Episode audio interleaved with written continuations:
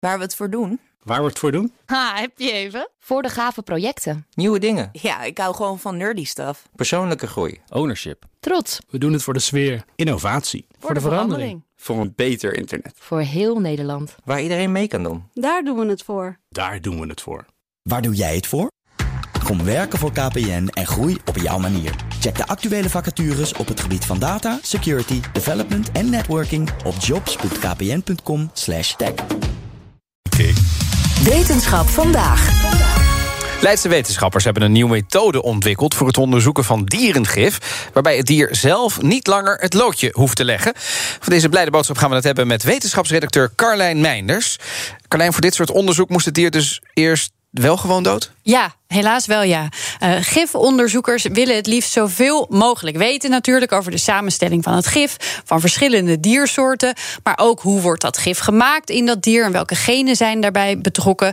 Onderzoeker Matthias Pittebinder legt uit wat er voor nodig was om dat soort onderzoek te kunnen doen. Tot voorheen hadden we om onderzoek te doen naar de genen weefsel nodig van de gifklier. Dus bijvoorbeeld in het geval van de schorpioen had je daar dan het weefsel van de gifklier zelf nodig. Dat betekent dat uh, schorpioenen daarvoor uh, moesten worden, dat je die dood moest maken om die gifklier eruit te halen. Nou, wij werken onder andere bij Naturalis en dat willen we natuurlijk niet.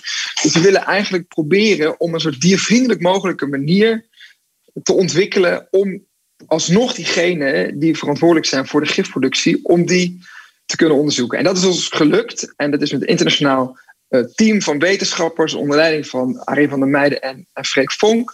We zijn uh, geleerd aan de Vrije Universiteit Amsterdam, Naturalis, Porto, Leiden Universiteit. En allemaal verschillende onderzoekers hebben daaraan meegewerkt. En het is ons dus eindelijk gelukt om een diervriendelijke manier uh, te vinden om degenen te onderzoeken die betrokken zijn bij de productie van gif van de Vietnamese bosschorpioen.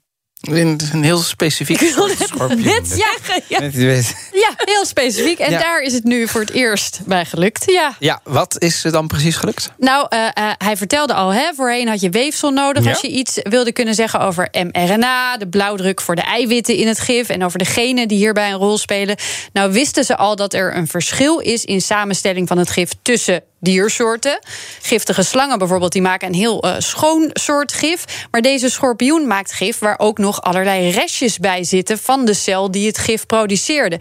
En dat biedt mogelijkheden, want een van die restjes is het mRNA van de cel. Dus dat betekent dat er mRNA in dat gif zit. En betekent dus ook dat je het onderzoek naar die genen, naar dat mRNA, kunt doen door puur alleen naar dat gif te kijken. Dus je kan die schorpioen melken. Dus je zorgt ervoor dat de schorpioen eh, kleine druppeltjes gif afgeeft.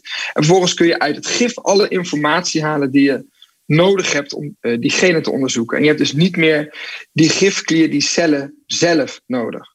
Eh, een schorpioen melken, hoorde ik dat nou goed? Ja, dat doen ze eh, met hele kleine stroomstootjes. Klinkt wat erger dan het is. Ze bootsen eigenlijk na wat er in de spieren van die staart van zo'n schorpioen gebeurt. Ah, ja. Als hij in het echt gif zou vrijlaten. Het trekt samen en daardoor komt het gif naar buiten. Oké, maar dan wat ik interessant vond, je hebt dus zogenaamd puur gif Ja. van de slang. Maar dat gif met die restjes, dat vind je dus niet bij ieder giftig dier. Klopt, die, die restjes mRNA zitten niet in elk soort gif. Sommige dieren, zoals eh, slangen en duizendpoten, die hebben dus die gifproducerende cellen die hun gif afgeven aan een soort holte in de gifklier. Dus in kleine blaasjes. Dat zorgt dus voor dat hele schone gif. Um, en dat betekent ook dat deze dieren, die, die, ja, daar, daar- daarvan bevat het gif geen, geen mRNA. Dus je kan het bij die dieren kun je het inderdaad, eh, kun je deze techniek eh, waarschijnlijk niet toepassen. Maar bijvoorbeeld bij spinnen en bij eh, mieren, bijen, wespen, schorpioenen dus. eh, bepaalde soorten giftige zoogdieren kun je het, eh, kun je het wel doen. Dus er zijn een hele hoop diergroepen waarbij het wel kan. En een aantal diergroepen waarbij we toch nog een andere methode moeten, moeten zien te bedenken. Ja, snap ik allemaal, maar in het lijstje hoorde ik giftige zoogdieren. Ja, ja. Die zijn er, zeker. We hebben er zelfs eentje in Nederland, eh, vertelde hij. Een klein eh, een soort muisje met giftig speeksel. Die hebben we gewoon hier in ons land rondlopen. Sowieso dat muizen gif hadden, wist ik niet. Nou, daar moeten we het dus ook nog een andere keer maar even over hebben. Zeker. Maar waarom is het onderzoek naar gif eigenlijk zo belangrijk? Om verschillende redenen. Het is voor biologen en gifonderzoekers interessant om te weten. Hè, hoe, wat zit er nou in? Hoe wordt het gemaakt? Maar het heeft ook medische toepassingen. Eentje ligt voor de hand. Antigifstoffen ontwikkelen. Een andere iets minder. Medicijnen maken. Er zijn al middelen waarin componenten van dierengif wordt gebruikt. En daar zouden we nog veel meer interessante stofjes aan toe kunnen voegen.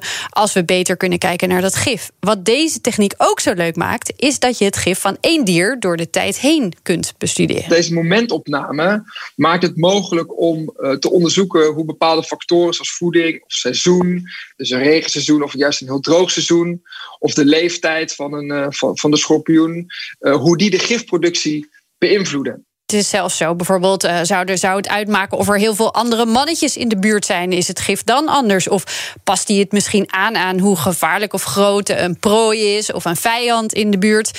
Nou, dat kon niet als je het dier één keer gebruikte en daarna dood moest maken. Maar met deze techniek kun je dat allemaal gaan bekijken in toekomstig gifonderzoek. Het kan een heleboel nieuwe interessante dingen opleveren. Ja, en of het een Nederlands gif iets anders is dan Zuid-Afrikaans nou, gif. Ik denk het wel, want het is een hele andere omgeving weer. Ja. Dus dat, ik zou denken van wel. Dus dat muisje, dat, bedoel, hoe giftig zou dat muisje zijn? Ik weet niet, maar ik wil het daar volgende week ergens als het even Volgende kan. week. Ik, ik Nee, bel hem weer even op.